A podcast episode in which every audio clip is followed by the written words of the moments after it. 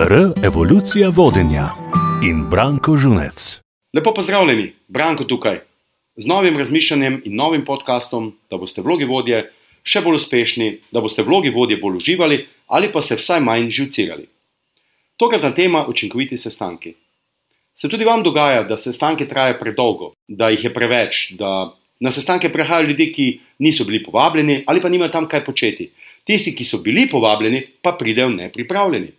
Se vam dogaja, da tekom sestanka, debata zvodeni, da se v bistvu nič ne dogovorimo, ali pa da nekateri govorijo bistveno preveč, drugi pa bistveno premalo ali skoraj da nič. Kako ustaviti tiste, ki preveč govorijo ali pa mogoče nimajo toliko zapovedati, kot sami mislijo? Po drugi strani pa se na koncu sestanka ne dogovorimo nekaj konkretnega in sestanek dejansko se zaključi, ne da bi vedeli, kaj točno smo se dogovorili, oziroma ali je bil sestanek sploh uspešen. In potem se ljudje sprašujejo, čemu sploh sestanki ali pa prihajajo na sestanke tukaj nezadovoljni, že ko dobijo vabilo, se sprašujejo, pa zakaj bi sploh šel na sestanek, ali pa iščejo celo izgovor, da bi se raje posvetili drugi temi, kot da bi bili prisotni na sestanku. Torej, če želite temu narediti konec in želite, da bodo vaši sestanki bolj učinkoviti, potem je ta podcast kot nalašč za vas. Za vas sem pripravil štiri vsebine, s katerimi boste dvignili učinkovitost vaših sestankov. Še preden pa jih razkrijem, bi želel povedati, kaj v bistvu je namen sestankov. Pa, če si pogledate beseda sestanek, kot če jo napišemo z velikimi tiskanimi črkami, in pri črki N odstranimo tisto prvo črtico, dobimo dejanski namen sestankov in to je sestavek. Dragi vodje, namen sestankov je, da se sestavimo in da potem sestavljeni gremo veliko bolj samozavestni, odločni in prepričani v uspeh, in seveda s pravimi informacijami in zaključki obroženi, da bomo tudi uspešni. Ker ko enkrat gremo iz sestanka, smo zopet prepuščeni vsak sebi in seveda svojemu delu, in seveda, če smo imeli dober sestanek, bomo pri tem delu veliko bolj uspešni. Dejstvo je, da če bi vsak opravil svoje delo in pri tem ne bi naletel na nobene težave, bi sestankov potrebovali bistveno manj in tudi trajali bi bistveno manj časa, kaj ne da. No, in to je ključ sestankovanja, da se v bistvu sestavimo in da potem, ko gremo iz sestanka, gremo polni dobre energije in seveda tudi kvalitetne informacije in zaključke, s katerimi bomo pri svojem delu še bolj koristni. Pa poglejmo, katere so te štiri vsebine. Prva je jasen namen sestanka. Poskrbite, da ljudje vedo, zakaj so tam, čemu je sestanek namenjen. Zdaj, ali krajše narave, ali izreden sestanek, ali reden sestanek, tedenski, mesečni, ali pa projektni, pomembno je, da ljudje vedo, kaj je namen sestanka. Torej, s kakšnim namenom smo se sedaj sestali in kaj dejansko želimo sestaviti. In uh, najbolje, da to kar zapišete že v samo vabilo, če pa seveda izredna zadeva, pa ljudem poveste, ko jih seveda pokličete oziroma ko uh, organizirate sam sestanek. Skratka, prva kljukica, jasen namen sestanka. Drugo področje je sama dolžina oziroma trajanje sestanka. Pri kratkih briefingih, koordinacijah in podobnih sestankih zadeva traja tam do 15 minut dovolj, da se dogovorite, gre v bistvu samo za neko kalibracijo dnevnih prioritet ali pa neke situacije, to pomeni, da uskladite stvari, informacije, poglede, karkoli je potrebno in seveda potem po tej koordinaciji, zelo kratkem sestanku, takoj veste, katere so prioritete. Pri rednih tedenskih ali pa mesečnih zadevah, kjer je potrebno več tem obdelati, kjer pogledamo, kako smo na poti doseganja ciljev bili uspešni ali pa nismo bili uspešni, kateri izzivi so pred nami v novem obdobju, torej tedna in meseca in podobno, Tam pa sestanki trajajo tudi dlje, nekje do 90 minut naj bi bil maksimum. Zdaj, tisti, ki imajo dobro kilometrino, ki pridejo na sestanek pripravljeni, ki imajo že kar nekaj kondicije, nekaj dobrih sestankov za sabo, lahko en kvaliteten sestanek, tudi rekel, z več točkami, obdelajo v 45 do 60 minut. Naj bo to vaše izhodišče. Da boste pri tej daljši sestanki, ki mogoče trajajo tudi dve uri ali več, sam sem bil tudi na sestanku, ki je trajal več kot tri ure in je bilo res naporno. In, in tako iskreno povedal, na koncu tega sestanka smo šli skozi te štiri točke, ki sem delil z vami, in pogledali, da bi lahko sestanek že s kratko analizo, ki sem naredil, trajal bistveno manj in uh, lahko bi se dogovorili bistveno več. Skratka, 90 minut je res maksimum, koliko lahko ljudje zbrano sodelujejo, razmišljajo, debatirajo. So pa tudi izjeme, če v tekom debate naletite na kakšno temo, ki je res zanimiva za vse, ki preide iz debate tudi v kreativo, da se razvijajo ideje, tam pa lahko traja zadeva tudi do dve uri, ampak res maksimum dve uri. Iz mojih izkušenj lahko rečem, ker večina mojih treningov in delavnic, ko traja tudi po šest in več ur, je sestavljena iz blokov po uro in pol do dve.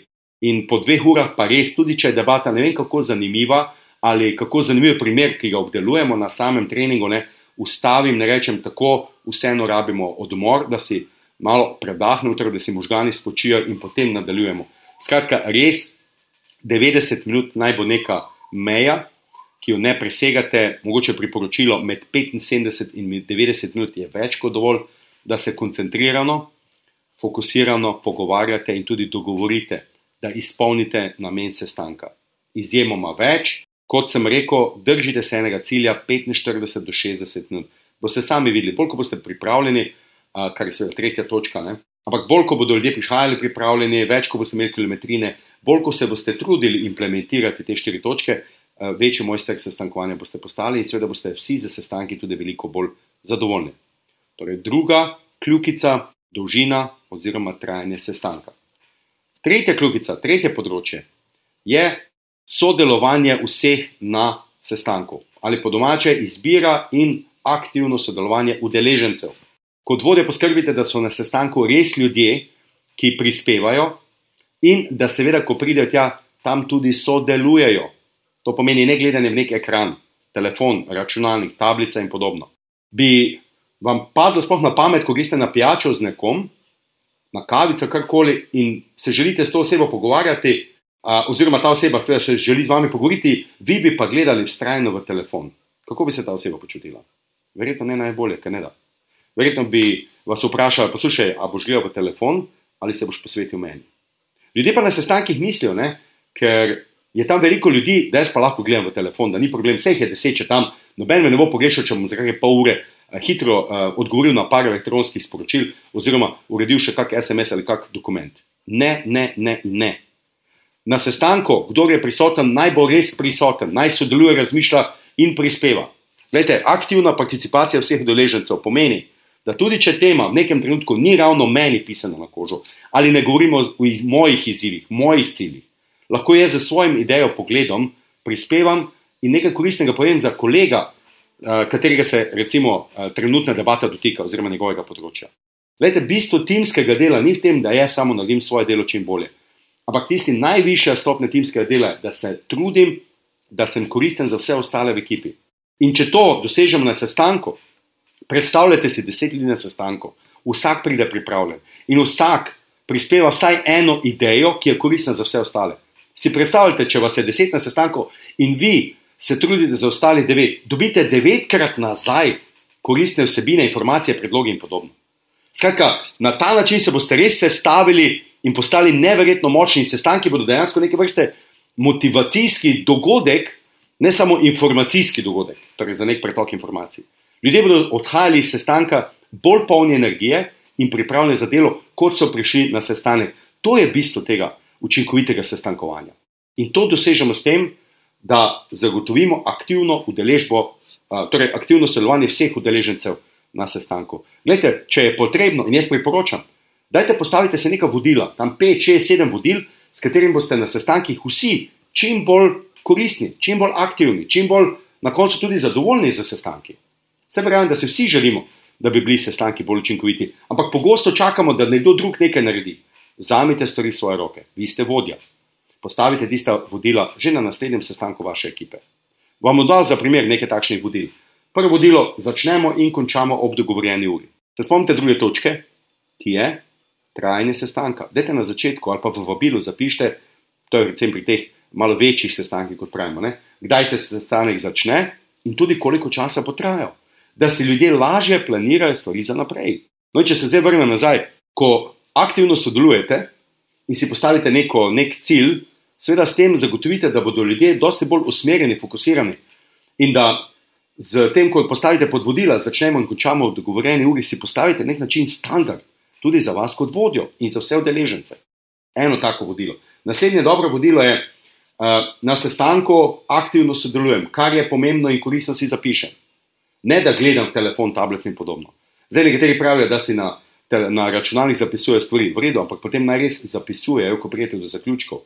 Če pa so aktivni že vmes, potem to ne drži, da so tukaj samo zato, da zapisujejo zaključke, kaj ne da, oziroma da je temu namenjen računalnik.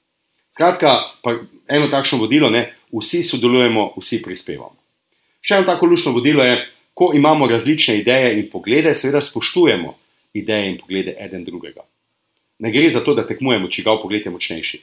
Gre za to, da lahko različne poglede uh, razgrnemo in seveda skozi primerjavo teh pogledov dosežemo nek, uh, nek ne vem, bolj skupen, enoten ali pa mogoče bolj poglobljen pogled v zadeve, uh, o katerih debatiramo. Lahko pride do nove ideje, lahko pride do novega zaključka, lahko pride celo do skupne ideje na podlagi večjih predlogov. Ampak do tega ne boste prišli, če ne bodo vsi aktivno sodelovali. Zato vam priporočam, zelo dobri primeri ekip, ki jih poznamo v poslu, so tisti, ki so si pripravili tam 5, 6, 7 vodil, s katerimi zagotovijo čim večjo učinkovitost sestankov. To lahko naredite tudi vi. Torej, tretja točka: aktivno sodelovanje vseh udeležencev skupaj z, če je potrebno, vodili za učinkovito sestankovanje. In tu prijemo do četrte točke. Kaj mislite, kaj bi lahko bila četrta točka? Ja, seveda, smo v poslu zato, da stvari zabeležimo, da jih protokoliramo. In četrta točka je, seveda, da zapišemo nek zapisnik, nek protokol, s katerim v bistvu potrdimo, da je imel sestanek ne samo namen, ampak da je ta namen tudi izpolnil. V zapisnik, kot temu po domače rečemo, zapišemo, kdo, kaj, dokdaj naredi, kaj smo se dogovorili, če je prišlo do kakšne ideje, do kakšnega napredka, do kakšnega dogovora, s katerim moramo seznaniti tudi druge, ki niso na sestanku in podobno. Namreč, šele na koncu sestanka ali pa ob koncu vsake točke na sestanku zapišemo, kaj smo se konkretno dogovorili. Šele skozi to boste videli, kako je bil sestanek uspešen in kako ste izpolnili sam namen sestanka. Ne podcenjujte pisane besede. Če se samo pogovarjate, pa vse ostane nekje v zraku, nima prave teže. Lete, tudi če niste prišli do nekega zaključka, napišite, dokam ste prišli. Smo se dogovorili, da bomo to in to naredili, končno odločitev pa bomo sprejeli na naslednjem sestanku. Recimo pri rednih tedenskih sestankih se tudi to lahko zgodi. Skratka, četrta kljukica, zapisnik sestanka naj bo jasen, lepo oblikovan in seveda tudi potem kaj distribuiran vsem tistim, ki so bili udeleženi, pa še mogoče komu, ki ni bil prisoten, pa ga seveda ti zaključki sestanka tudi tangirajo oziroma se mu koristi za njegovo delo. Tako, vse štiri točke sem predstavil, mogoče samo še eno dobro priporočilo iz prakse, da boste pri vaših sestankih še bolj učinkoviti. Dajte sestanke začeti s kako dobro idejo, s kako spodbudno novico. Pa če ne drugega, tudi za konec, dajte na sestanku, predvsem govorimo o tistih rednih tedenskih sestankih ali pa mesečnih sestankih, ko imamo priložnost, da se res malo več pogovorimo. Dajte za konec še kakšno takšno koristno, zanimivo informacijo. Pa ne rabi biti ravno za posel, najbolj za življenje, kakšna koristna življenjska informacija. Ne vem, uh, pet na svetu, kako si bolje zapomnimo stvari. Ali pa vem, uh, hrana za možgane, ali pa uh, pet vaj, s katerimi boste razbremenili hrbtenico, recimo, če veliko sedite in podobno. Ne? Skratka, poskrbite, da bodo sestanki ne samo tematski, oziroma da izpolnijo namen, ampak predvsem pri tistih malo večjih sestankih, ko vas je tudi več na kupu. Ne? Poskrbite, da bodo sestanki prinesli še kakšno dodatno dimenzijo zanimivosti in koristi. In prepričan sem, da bodo ljudje tako zadovoljni s sestanki, da bodo kome čakali, kdaj bo naslednji sestanek. In verjemite mi, če so ljudje ali pa ko so ljudje zadovoljni s sestanki, se na nje tudi veliko bolj pripravijo, ker vedo, da bo, da bo za njih veliko bolj koristno, kot je bilo to mogoče v preteklosti. Ampak preteklosti ne moremo spremeniti. Če v preteklosti niste bili zadovoljni s svojimi sestanki, oziroma z vašimi sestanki, nič ne. Od danes naprej imate priložnost, da jih naredite še boljše, še bolj učinkovite in da boste vsi skupaj s sestanki bolj zadovoljni. Tako, to je bilo moje razmišljanje za ta teden. Jaz vam želim v prihodnje čim več učinkovitih sestankov, naj izpolnijo svoj namen, da boste tudi vi v vlogi vodje izpolnili vaš namen. In kot sem rekel, da boste v vlogi vodje še malo bolj uživali ali pa se vsaj manj živcirali. Mi pa se slišimo že v naslednjem podkastu.